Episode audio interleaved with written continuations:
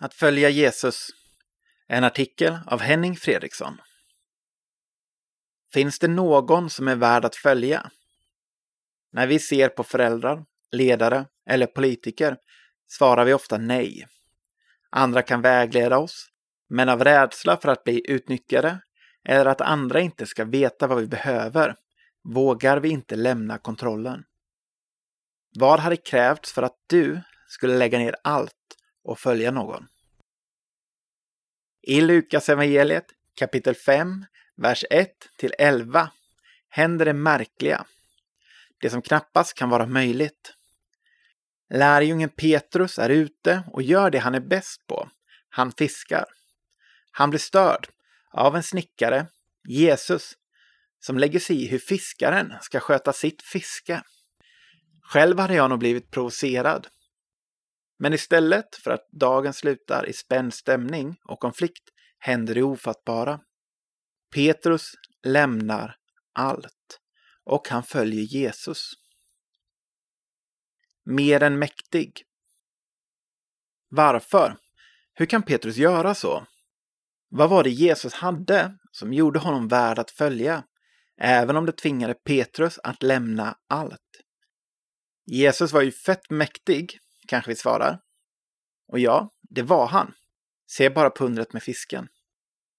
Men frågan är om det räcker för att Petrus skulle vilja ge sitt liv till honom. I Avengers så är Thanos en oerhört mäktig skurk.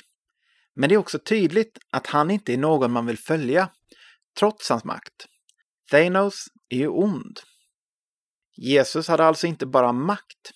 I honom såg Petrus något ännu mer ovanligt och värdefullt, nämligen kärleken. Jesus är kärleken själv. Att följa Jesus, då som nu, är att ta emot och vila i den kärlek som vi är skapade för. Att följa Jesus handlar först och främst om att leva i en kärleksfull relation med honom, där han sköter och bär oss. Det handlar om att följa den som redan följer oss med sin kärleksfulla och längtande blick varje dag av våra liv. Att följa Jesus är att komma hem till den kärlek som gav oss livet och som alltid älskat oss först. Jesus bjuder oss på dejt. Under min barndom och tonår hände det ibland att jag blev lite intresserad av någon tjej. Ofta kunde jag önska att vi skulle bli ihop. Vid något tillfälle kunde jag märka att den tjejen också var lite intresserad av mig. Problemet var att ingen vågade ta första steget. Någon behöver vara först med att aktivt visa intresse om det skulle bli någon kärleksrelation. Den ena behöver bjuda ut på dejt. I relationen med Jesus är det alltid han som tar första steget. Vi måste inte leta upp Jesus och fråga om vi får hänga med honom. Nej, han står redan vid vårt hjärta och väntar på oss. Se, jag står vid dörren och knackar. Om någon hör min röst och öppnar dörren ska jag gå in till honom och hålla måltid med honom och han med mig. Uppenbarelseboken kapitel 3, vers 20. I Bibeln är det Jesus som kallar lärjungarna och det är lärjungarna som svarar ja och börjar följa honom. Så är det också idag. Jesus drar i dig. Han har sedan länge kallat på dig och han ångrar inte sin kallelse. Se Romarbrevet kapitel 8, vers 9. Han väntar på oss än idag. Låt oss därför, för första eller 89 gången, tacka ja till hans inbjudan. Låt oss börja följa honom på nytt varje dag. Hur gör man då detta? Vad innebär det rent konkret att följa Jesus? Ja, egentligen är det omöjligt att kortfattat förklara vad livet med Jesus innebär. Jesus vill möta oss och förvandla oss på många olika sätt. Det finns liksom ingen gräns. Trots det vill jag lyfta upp några viktiga påminnelser om vad livet som Jesus lärjunge handlar om. Att följa Jesus innebär att omvända sig. Något av det första Jesus predikade var att vi skulle omvända oss. Markus evangeliet kapitel 1, vers 15. Att omvända sig handlar om att vända sig från sin synd och allt det som vill ta Guds plats i våra liv och istället se på Jesus och springa in i hans famn. Som Jesus lärjunge är omvändelsen inte en engångshändelse utan något vi lever i. Gör det gärna till en vana att regelbundet, varför inte varje dag, fundera över vad du har för synd i ditt liv, be om förlåtelse för den och be om kraft att sluta med den. Att följa Jesus innebär att tro på vad Jesus gjort för dig. Efter omvändelsen uppmanas vi av Jesus att tro på evangeliet. Markus evangeliet kapitel 1, vers 15. Evangeliet är de goda nyheterna att Jesus blev människa, dog för våra synder och besegrade döden i sin uppståndelse. Att följa Jesus handlar inte bara om att tro att det hänt, utan att lita på att det även gäller dig. Detta innebär att du alltid kan lita på att det finns förlåtelse när du omvänder dig. Att följa Jesus är alltså att vila i hans förlåtelse och seger över synden på korset. Att följa Jesus innebär att vara Jesus händer och fötter på jorden. Att följa Jesus och leva i hans kärlek kanske låter flummigt, men det är det inte. Att följa Jesus är väldigt konkret.